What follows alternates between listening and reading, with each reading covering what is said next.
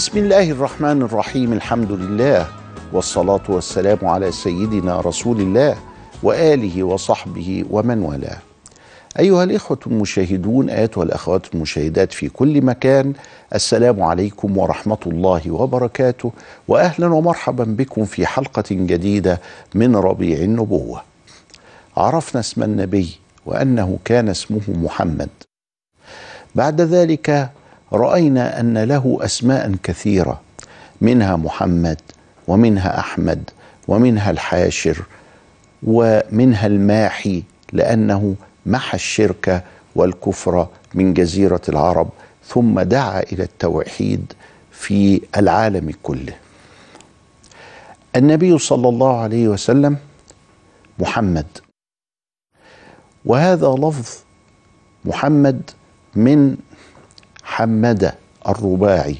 فعل حمد. وحمد يكون منها أحمد أفعل التفضيل. ولذلك فهو محمد وهو أحمد. ولأنه مختار من الله سبحانه وتعالى فهو مصطفى المصطفى صلى الله عليه وآله وسلم. إذا درج الناس على أن يطلقوا اسم محمد واسم أحمد واسم مصطفى على النبي صلى الله عليه وآله وسلم. وكانت العرب إذا أحبت شيئا وتعلقت به أكثرت من أسمائه. ولذلك نرى الله سبحانه وتعالى عندما أنزل القرآن باللغة العربية خاطبهم بلغتهم التي درجوا عليها. ونجد أن لله سبحانه وتعالى أسماء كثيرة في القرآن أكثر من مئة وخمسين اسم. ولله الأسماء الحسنى فادعوه بها. إن لله تسعة وتسعين اسما مئة إلا واحد. من أحصاها دخل الجنة. فنرى الله سبحانه وتعالى وهو اسمه الله الرحمن الرحيم الملك القدوس السلام المؤمن المهيمن العزيز الجبار المتكبر الخالق البارئ المصور الغفار. إلى آخر أسمائه التي نحفظها أو ندركها أو نعلمها. الله سبحانه وتعالى أكثر من أسمائه حتى يعلق قلوب العرب وكانوا يعبدون الله لكن كانوا يشركون به الأوثان والعياذ بالله تعالى فجاء النبي يدعو إلى التوحيد. النبي محمد صلى الله عليه وسلم واسمه أحمد واسمه المصطفى واسمه المختار واسمه الماحي واسمه الحاشر كل هذه الأسماء وغيرها كثرت لأن العرب أحبت النبي صلى الله عليه وآله وسلم. عندما تزوج عبد الله بآمنة عبد الله أبو النبي وآمنة أم النبي صلى الله عليه وسلم حملت منه. وكانت تحدث النساء أنها حملت حملا خفيفا وأنها رأت في منامها وكأن نورا قد نزل من السماء وحل في أحشائها وفي بطنها وأنها سمعت بعض الهواتف وسمعت في المنام أشياء تبشرها بمجيء المصطفى صلى الله عليه وآله وسلم ومن هذه الأشياء قالوا بأن السيد عبد الله والسيدة آمنة أيضا هم من الناجين يوم القيامة. وألف الإمام السيوطي نحو تسع رسائل تثبت نجاة أبوي المصطفى صلى الله عليه وآله وسلم.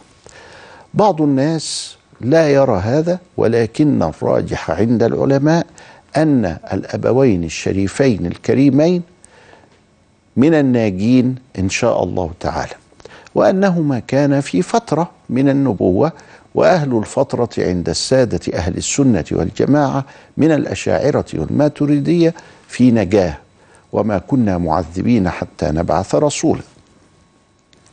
السيدة آمنة حملت بالنبي صلى الله عليه وسلم حمل النساء يعني حملت به في تسعة أشهر. وولدته بالطريقة المعتادة التي تلد بها النساء. السيدة آمنة في هذا اليوم وكان يوم اثنين. وهذا يوم الاثنين كان النبي يقول هذا يوم ولدت فيه.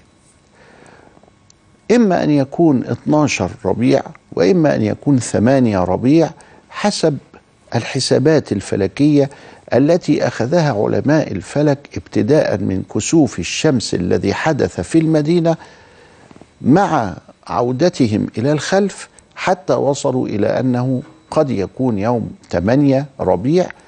وإن كان الشائع الذي نحتفل به كل عام هو 12 ربيع. فهذا جائز وهذا جائز لأنه مسائل تقديرية وليست تحديدية.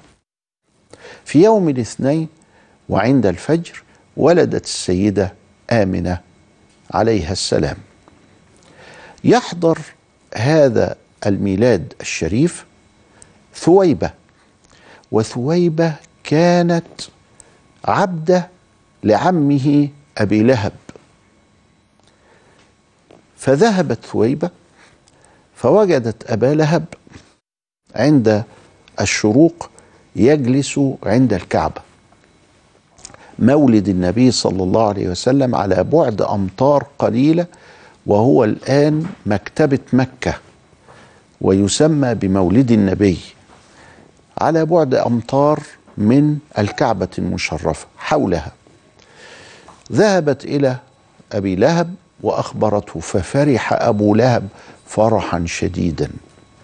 وأعتقها لأنها كانت عبدة عند أبي لهب فرحا بمقدم السيد النبي صلى الله عليه وآله وسلم سيدنا محمد ابن أخيه عبد الله رحمه الله تعالى.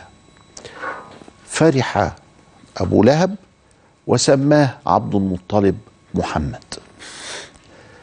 إلى لقاء آخر أستودعكم الله والسلام عليكم ورحمة الله وبركاته.